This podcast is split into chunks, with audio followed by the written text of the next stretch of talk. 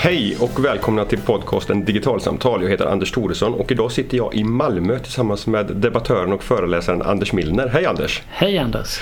Hej!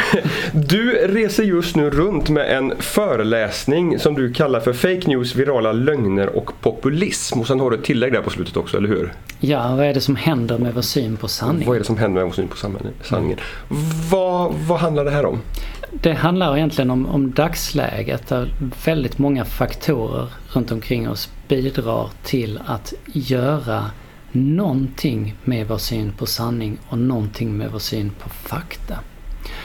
Ehm, vi eh, märker det i medieflödet dagligen. De av oss som kanske vaknar och med förskräckelse läser tweets från, från USAs president till exempel. Eh, och eh, se vad som händer där. Eh, vi kan se det i, från våra svenska politiker. Vi ser en, en populism som har gripit klorna i hela Europa, även i Sverige. Som har som mål, vilket vi kanske kommer in på senare, att, att, att liksom angripa medierna. Och säga att medierna står för, för propaganda och så vidare. Vi ser virala lögner som sprids eh, varje dag i tiotusentals på, på eh, Facebook och via Twitter och andra sociala kanaler. Och eh, vi är plötsligt i ett läge där vi riskerar att bli manipulerade av massor av olika grupper och, och, och människor som har massor av olika syften. Och eh, där de institutioner som står traditionellt sett har stått för fakta eller analys eller kunskap är utsatta för en ganska metodisk attack. Vilka institutioner är det du tänker på då? Ja, det är kunskapsinstitutioner, det kan vara universitet, det kan vara forskning, det, det kan vara eh, framförallt myndigheter. Eh, organisationer som, som handhar fakta på olika sätt. Det kan vara till exempel polisen. Hur är läget, hur är läget här i Malmö egentligen? Eh, om polisen går ut med den informationen och berättar så här ligger det till så blir de inte trodda idag. Då tror folk att det är en slags mörkläggning som pågår beroende på ämne såklart. Så att vi har också konspirationsteorierna som en väldigt stark aktör i dagens eh, samhällsdebatt. Där det verkar så att allt fler människor eh, är mottagliga för konspirationsteorier. Vilket har sina orsaker då naturligtvis. Att det förhåller sig så. Vilka, vilka orsaker är det? Konspirationsteorier har sin grund i eh, ett samhälle där, där medborgarna har tappat tilliten. Tilliten till varandra och tilliten till myndigheter, institutioner och, och styrning, alltså regering och politiker. Går man tillbaka i, svenska historien och så, ja men vad, vad har vi haft för konspirationsteorier så ser man att vi får eh, vår första moderna boom vid mordet på Olof Palme. Vilket då beror på att det är vid den tiden som vi faktiskt börjar förlora tilltron till, eh, till samhället. När starka eh, Eh, goda socialdemokratiska staten som har byggt folkhemmet och tagit hand om alla medborgare börjar ju krackelera på 80-talet. Och även om tillitssiffrorna vid de undersökningarna är liksom ganska goda ändå har varit det i Sverige generellt så, så vet vi då att där händer någonting. Vi tror inte längre att den här stora goda staten ska skydda oss. Vi ser att folk faller utanför systemen och så det går inte ihop längre. När Palme mördar så kommer ju konspirationsteorierna på ett sätt som man kanske haft i USA då sen 60-talet. Alltså Kennedy-mordet är en bra jämförelse. Vi hade ju inget sånt på 70-talet. Mm. Kommer på 80-talet. Sen så kommer de i rask takt då. Estonia. Eh, mordet på Anna Lind. Så, och idag så kan ju, kan ju allting vara en konspirationsteori. Så att du och jag sitter här och pratar idag det kan ju vara en del i, mm. del i, i en konspiration. Mm. Medierna mörkar, de har en agenda. På något sätt har alla, har 20 000 journalister i Sverige som inte kan enas om någonting överhuvudtaget eh, lyckats enas om att de ska mörka siffror om invandring som är den stora konspirationen liksom, mm. i, som jag sken idag. Mm. Eh, och då går vi in i ett läge idag liksom att tilliten till andra människor börjar, börjar krackelera. Tilliten till politiker. Politikerföraktet är ju jättestort utbrett liksom. Eh, gör oss mottagliga och samtidigt händer då någonting annat. Nämligen att vi börjar bli mer och mer rädda Okej. som människor. Mm. Vi gjorde, jag och mina kollegor gjorde en undersökning eh, förra året med alla Lunds åttondeklassare.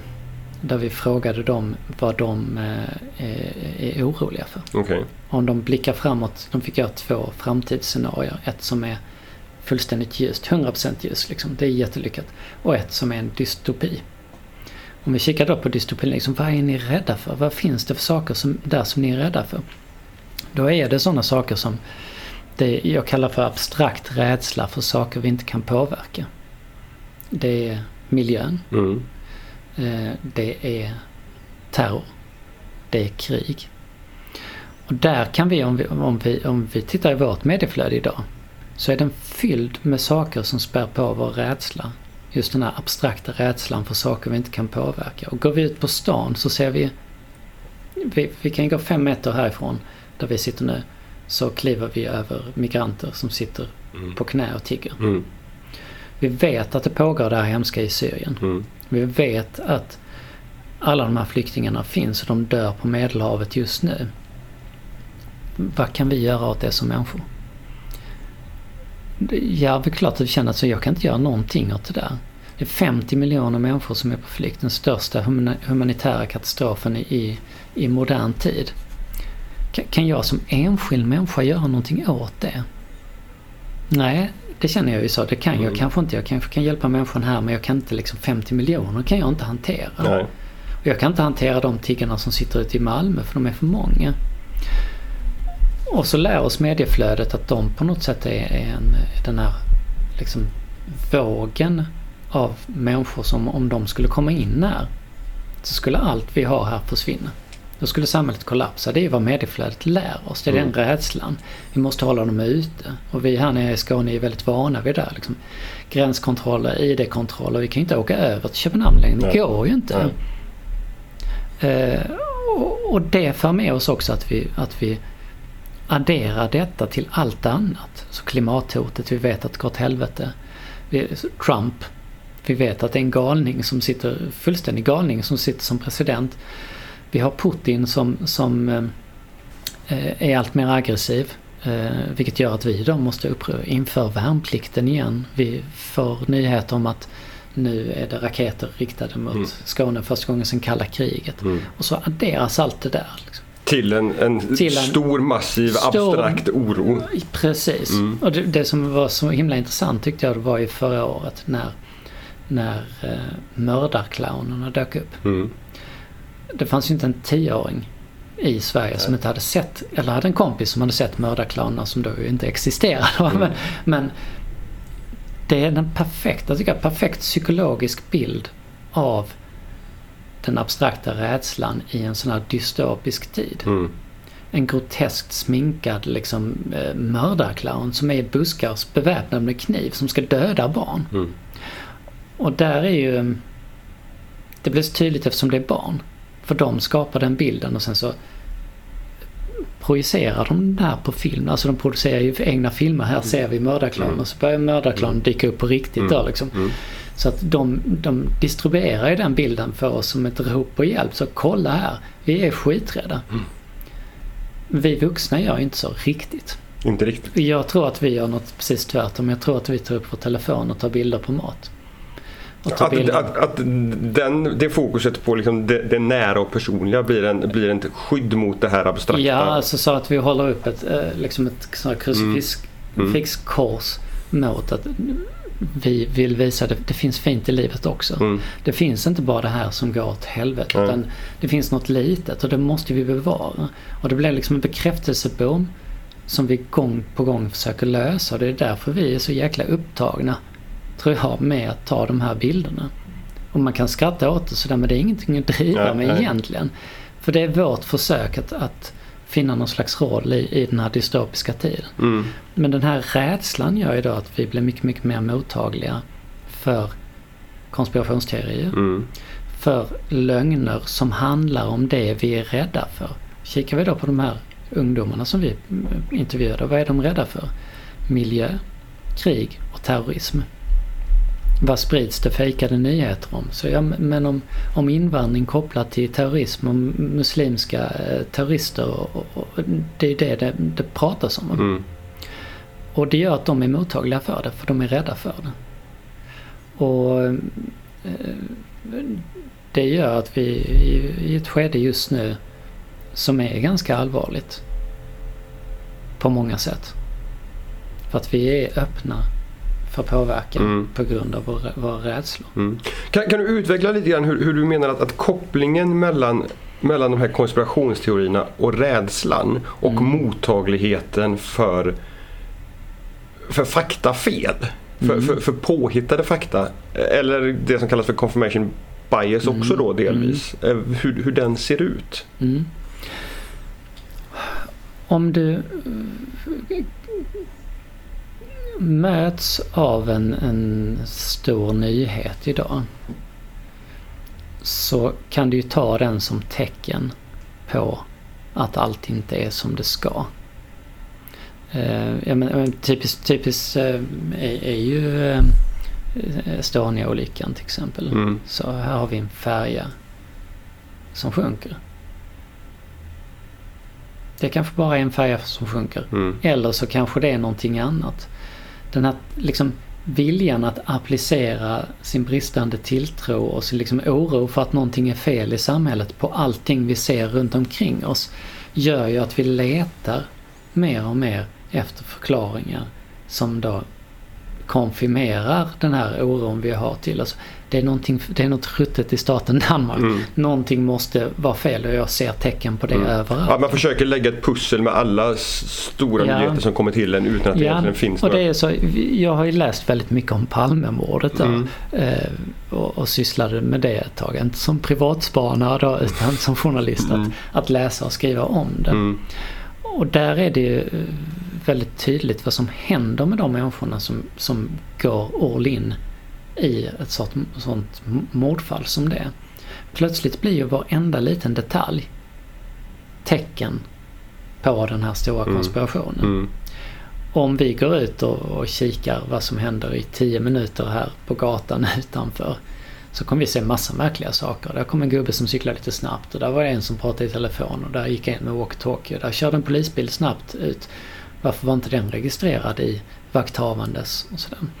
Och kopplar vi samman alla de här sakerna så kan vi antingen säga att sånt, så är livet. Fullt av massa nyckfulla saker som Slump. ingen riktigt kan Mm. förklara och slumper och, Mm. och sådär. Eller så kan vi säga att det finns ett samband Mm. mellan detta. Mm. Ljuset i den lägenheten släcktes precis när polisbilen kördes förbi. Det måste finnas ett samband. Där tror jag att vi idag eh, av våra medier och våra medieflöden lockas med att se de här sambanden Mm. på ett sätt som inte är, som inte är logiskt Mm. att vi gör. Mm. För att det är så mycket i våra flöden som pekar på, det är så många som vill få oss att tro att det hänger ihop på det här sättet. Vilka är det som vill få oss att tro det? Mm. Då finns det ju kring vissa ämnen så finns det ju ganska strategiskt arbete kring detta. Det gäller ju till exempel invandring eller Mm. flyktingar eller folk som är utländsk Mm. härkomst och sådär.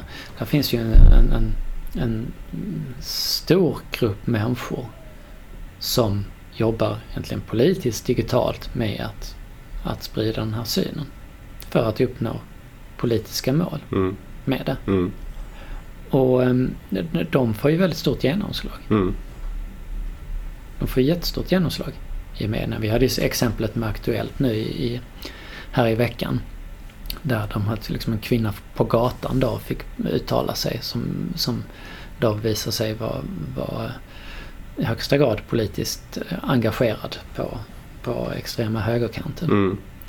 Eh, Men hon var vanlig i Aktuellt-inslaget så borde de inte ha kollat det där. Och där, där ser man ju att där finns ju, det vet ju alla redaktioner, det ringer vanliga människor hela tiden men egentligen är en del i, i, i en politisk strategi för att Mm. man vill föra fram det här. Mm. Ehm, Och där blir ju vi som människor, vi riskerar att bli liksom nyttiga idioter åt massa politiska budskap Mm. som planteras hos oss. Mm. Det, det kommer in de, de virala, virala lögnerna. Mm. Att de planteras ju någonstans och sen så sprids de vidare. Och sen i slutändan så spelar, spelar inte någon roll om den enskilda är fel eller falsk för den enskilda människan. För att den har mötts av så mycket så någonting av det här borde ändå stämma. Mm. Den samlade bilden. Och då kommer man in på, då, då ställer man frågan till folk, ja, men det, det här som du skickade ut här Anders, det, det, det stämmer inte, det är fel ju. Ja men det är ändå min uppfattning eller Mm. min magkänsla är ändå... Och varför skulle det inte vara magkänslan? För om du lever i en värld där det bara översvämmas av det här så är det din magkänsla. Det är därför är redaktionernas magkänsla idag att folk är otroligt oroade över flyktingar. Och varför är det det? Jo, för att man lever mitt i det här flödet som faktiskt produceras av någon. Hur... Du, du, du säger att det, det finns en, en, en medvetenhet i mycket utav det här. Att det finns någon som startar de här konspirationsteorierna eller, eller snarare liksom förser oss med de här uppgifterna och så vidare som, som blir som bränsle till de här konspirationsteorierna. Finns det också... Spelar det någon roll att, att det är så eller, eller hade det varit lika illa om det hade varit uppstått av sig självt, tänker du? Ja, det spelar någon roll att det är så eftersom det är liksom en metod bakom vansinnet. Och vi kan ju flytta över det till ett annat närgränsande som, som vi har diskuterat mycket också som är liksom Rysslands inblandning i, i, i, ehm, i ehm, eh, att forma opinion i olika länder. Amerikanska valet eller franska Mm. eller vad kommer hända i, I riksdagsvalet i, i, i Sverige. Ehm, det, information, är, information är aldrig neutral. Nej. Den, den, den, eh, inte någonstans är information neutral. Den har alltid ett syfte. Ehm, medier, vi hade inte haft medier om det inte hade varit att de har varit propagandaverktyg. Alla medier vi har är framtagna för att användas som propagandaverktyg. Vi hade inte haft böcker, vi hade inte haft dagstidningar, vi hade inte haft någonting om, om det inte hade varit propaganda från Mm. början. Mm. Så genom hela mediehistorien så har ju det där funnits. Det som gör, händer nu det är att gränsen mellan den här informationen och underhållning suddas ju ut helt. Vad gör jag när jag är på Facebook? Ja, det är ju inte så att jag studerar. Eller hur? Nej. Men det är inte heller så att jag bara letar efter underhållning. Nej. För det, vissa allt saker är bra för Mm. mitt jobb, andra Mm. är bara kul. Annat. Allting mixas i en och samma sak. Och när då den här eh, liksom politiska manipulationen smyger sig in där, den här propagandan smyger sig in i det i min underhållningssfär och jag inte kan skilja på dem. Så skapar det någonting, så förändrar det mig som människa på ett Mm. ganska fundamentalt sätt Mm. mot tidigare. Mm. Vi, vi kommer in på tekniken här, för, för jag skulle också vilja fråga dig det, hur du ser att, att teknik, vilken, vilken inverkan teknikutvecklingen det senaste decenniet har haft med sociala medier, med internet och diskussioner om personanpassning och så vidare har på den här utvecklingen Mm. just nu. Fin, finns det Finns någon koppling däremellan eller, eller hade det här kunnat Mm. hänt utan internet också? Det, det har ju hänt utan internet men inte i den här Nej. skalan. Så för ehm, när jag gick i gymnasiet skulle jag skriva ett specialarbete. Och jag valde att skriva om, om ehm, Kuba. Eh, hur är det på Kuba egentligen? var min lätt ledande fråga. och det här är då slutet av 80-talet. Eh, jag gick till stadsbiblioteket och lånade alla böcker som fanns om detta. Eh, alla tre böcker som de hade Mm. tog jag hem och läste och sen så gick jag tillbaka för så jag kan inte skriva specialarbete om detta. För alla tre böckerna sa att det var fantastiskt på Kuba. Mm. Världens bästa land. Mm. Man hade kunnat bomba USA, då hade det blivit lite bättre. Annars så är det bästa landet i världen. Och så, det stämmer ju inte det här. Vad ska jag göra? Och bibliotekarien sa, jag, jag vet inte, det är de tre böckerna vi har, du får vända dig till Lunds universitet. Det är ju filterbubblan redan där, Ja, hur? och skulle vi hoppa fram till idag och jag skulle googla How is it on on Cuba? Ja. really? Mm. Så skulle jag få 30 miljarder träffar liksom. Mm. Och så tycker vi att det är en skillnad, eller hur? Mm. Det är en skillnad mellan de två. Mm.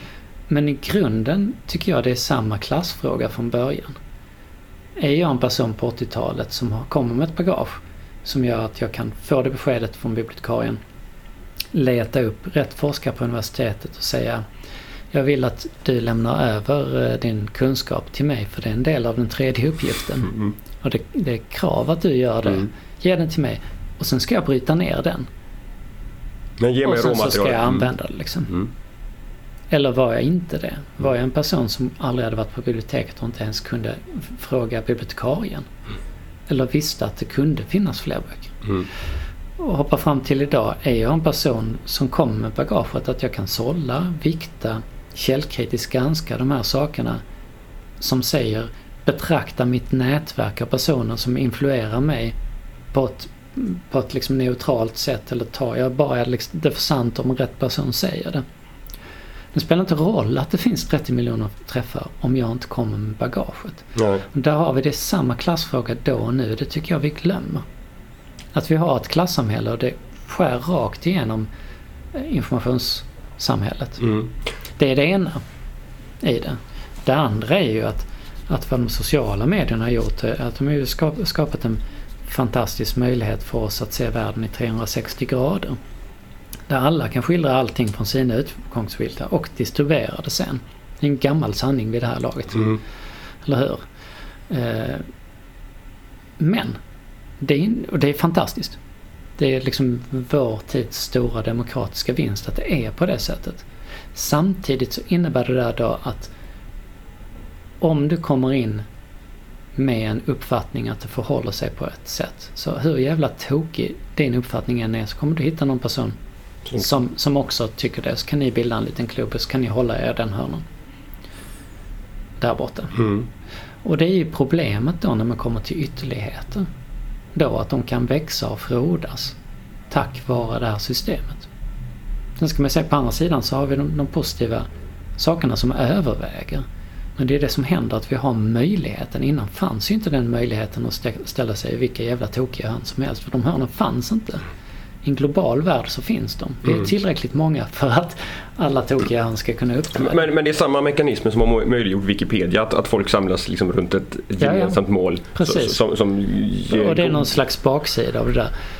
Och, och då har vi liksom då har vi den, den första vi har klassklyftan. Den andra vi har den här 360 graders samhället. Den tredje är den här tilliten som sjunker och oron och rädslan som föder konspirationsteorier. Och de tre då samverkar. Mm. Och då samverkar de på ett sätt så att, att, att liksom den digitala världen vi lever i, där kan alla de här mötas. Eh, och eh, förstärka varandra. Mm. Men, men här, du, du säger att det finns tre saker då här som samverkar. Vi, vi har en, en, en rädsla och en liksom, mottaglighet för konspirationsteorier Mm. just nu. Vi har ehm, en, en teknik som möjliggör eh, för, för olika typer av organisering, Mm. positiv och negativ. Och nu tappar jag den tredje. Och det tredje är konspirationsteorier. Just det. Just det. Vad, vad, liksom, om man ska angripa den här Mm. treenigheten från något Ja. håll. Var, var, ser du att nyckeln finns för att liksom vrida utvecklingen åt ett positivt håll Mm. på det här området? Jag skulle vilja behöva addera en fjärde egentligen Ja. för, för, att, för att kunna svara på det. För, det. Ja. för det fjärde som händer i det, för det här sker då samtidigt. Sen det fjärde som händer det är just framväxten av, av en global populism. Mm. Och den populismen angriper eh, det, den setup vi har haft för, för informationsflöde i samhället. Mm. Och som vi har haft i hundra år kanske. Eh, ungefär. Mm. Med journalistiken som en grundpelare Mm. I det offentliga samtalet. Så vi har haft en toppnivå med makt. Och sen har vi haft journalistiken under som granskar makten. Och sen så har vi haft läsarna underst. Så journalistiken har varit läsarnas röst. Gett dem röst att, och kraft och makt att granska makten. Mm. Och sen skicka ner. Och sen så har det, Yes. har det rullat på. Mm. Vad populismen gör nu, det är att den vill ju slå sönder det här. Och då är det två saker. Att dels kommer den digitala världen in och kraschar affärsmodellen för Mm. journalistiken så att den håller på att dö av sig själv. Mm. Därför Och- att det finns inte resurser att göra Nej, och den är försvar, försvagad ekonomiskt. Mm. Och i precis det läget så kommer då en, en, en massiv framväxt av, globa, eh, av populism Mm. över hela världen. Och vad den gör det är att den puttar upp journalistiken upp till maktsfären. Mm. Journalistik- Journalistiken har legat under och granskat makten. Kommer populismen och säger att journalistiken är PK-eliten, det är makten. Det är ni som sprider propaganda. På samma sätt som journalistiken har sagt om regeringen innan. Liksom. Mm. Puttar man upp journalistiken där. Och så sätter man sig själv på journalistikens plats och under så frammanar man då bilden av ett folk med citationstecken. Mm. Idén om att det finns ett folk som man företräder. Och när folkviljan då är osynliggjord av makten och populismen för dess röst. Det innebär också att populismen puttar upp allting som handhar fakta uppe i maktsfären och säger att det är lögn och propaganda. Vad menar du med puttar upp? Kan du... Ja, till en maktnivå. Ja. och säga att ni, där uppe finns den riktiga makten och ni som handhar detta eh, bedriver propaganda. Yes. Ni sprider lögner. Ni vill försöka påverka folket här nere. Folket vill inte låta sig påverka. De vill inte gå på era lögner. Men ni bara boostar ut de här lögnerna hela tiden. Fake news, fake news! För att Mm. prata om, om Mm, Trump liksom. Mm. Och där finns ju det här konspirationstänkandet då. Och, och jag menar det är ju som, som till exempel SD gick ut för ett tag sedan och sa att eh, SMH dri- eh, bedriver propaganda om vädret. Och klimatet. Typ, Mm. ja. Mm. Typiskt exempel. Mm. Allting som handlar fakta. Varenda en som, som lägger fram en forskningsrapport eller vad, vad det nu kan vara. Det kan vara polisen som berättar hur det är eller det kan vara Försäkringskassan eller Arbetsförmedlingen. Allting är lögner och propaganda. Allting som står i tidningar är lögner och propaganda och, och, och följer någon slags, liksom, någon slags metod för att påverka oss andra. Och det gör ju då att har du de här andra tre som, som, som jag berättade och den här utvecklingen som då under, liksom ett steg under populismen så har det ju tusentals fotsoldater som förutom att de då producerar och sprider de virala lögnerna också boostar upp, för man har som bärande inslag i, i populism är ju att frammana bilden av kris eller förstärka Mm. bilden av kris i samhället. Att det håller på att kollapsa. Och samtidigt så har man då fotsoldater som är ungefär som 30-talets eh, Eh, gatubusar i Tyskland. Men nu har vi liksom internetbusar som hotar och hatar folk och skrämmer dem till tystnad. Och då tystnar samtalsklimatet. Sakta men säkert så vrids bilden att uh, de ljuger. Tidningarna ljuger, journalister ljuger, makthavare ljuger, politiker ljuger. Alla ljuger utom populisterna själva och det så kallade folket som ingen vet riktigt vad det är för något. Mm. Och i ett sånt läge, vad ska vi då göra när lögnerna ökar, när konspirationsteorierna ökar? Vem är det som ska komma fram och berätta Mm. att det inte förhåller sig på det här sättet? Vem ska berätta att det finns en klimatkris Kris. när man agerar som Trump gör i USA? För till slut finns det ingen att lita på i det här medieflödet Nej. för då har man lyckats rasera det fullständigt. Där är ju liksom, och när du ställer frågan så, ska, hur ska vi angripa det här? Mm. Var måste man börja? Så måste man börja där, man måste börja med populismen. Och hur gör man det? Mm. Det första sättet är ju faktiskt att ehm, närma sig fakta på ett sätt som vi kanske närmat oss, många av oss närmat oss rasism kanske. Att säga att man inte ställer upp på allting. Det är kanske inte okej att du sitter vid en middag och är liksom oförblommerat rasistisk när jag sitter mitt emot. Då kanske jag säger det där är inte okej. Om du är oförblommerat populistisk bredvid mig så kanske det inte ska vara okej det heller.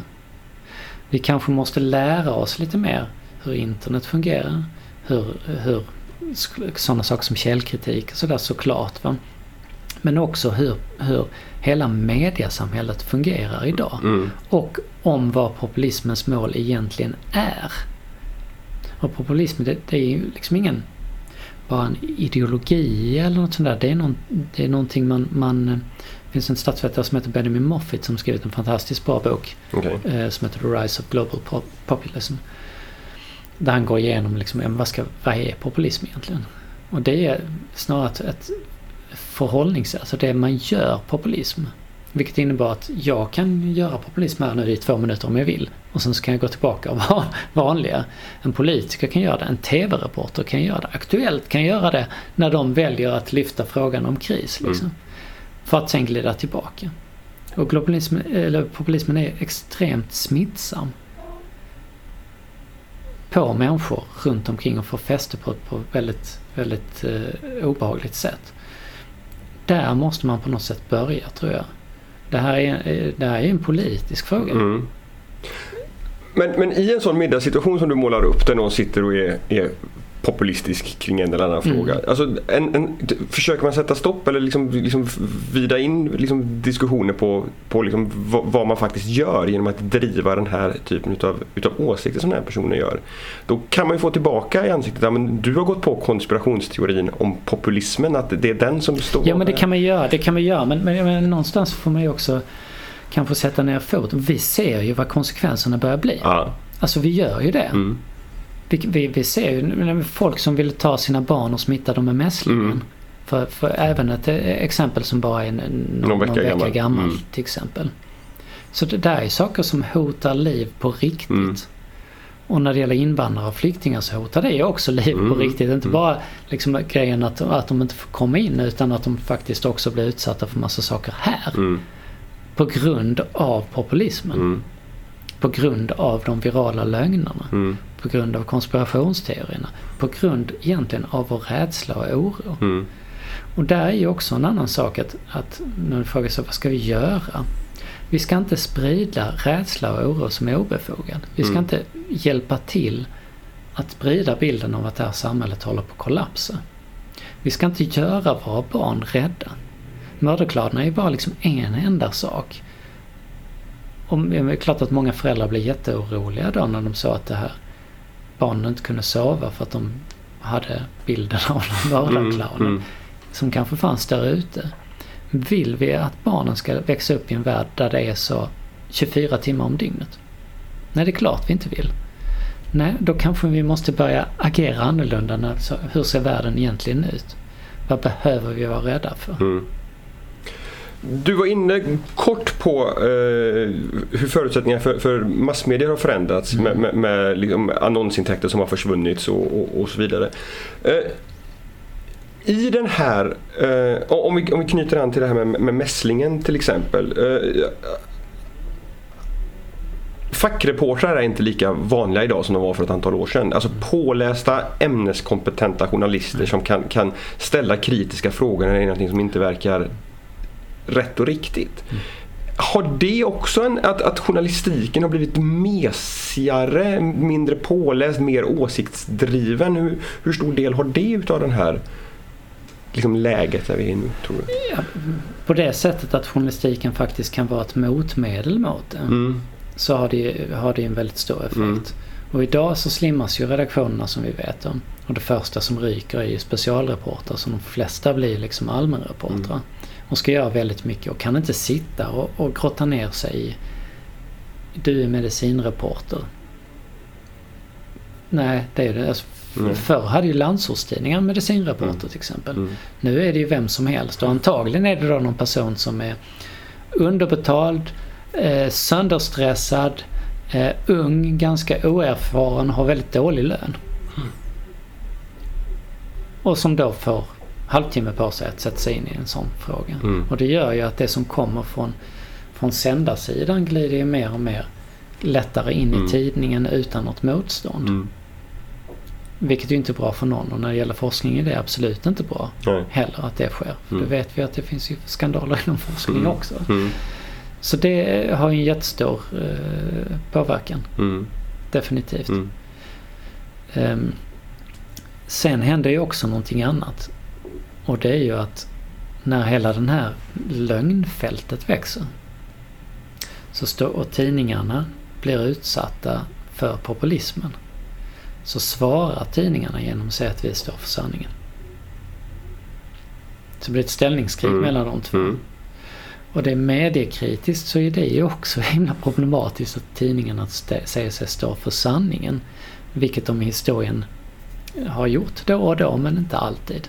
Det finns ju kvalitetsskillnader i, i tidningar mm. också. Det finns mängder med exempel när tidningar har haft fel. När tidningar har producerat lögner, när tidningar har publicerat propaganda, åsiktsbyråer, nyhetsjournalister, journalistik eh, och så vidare.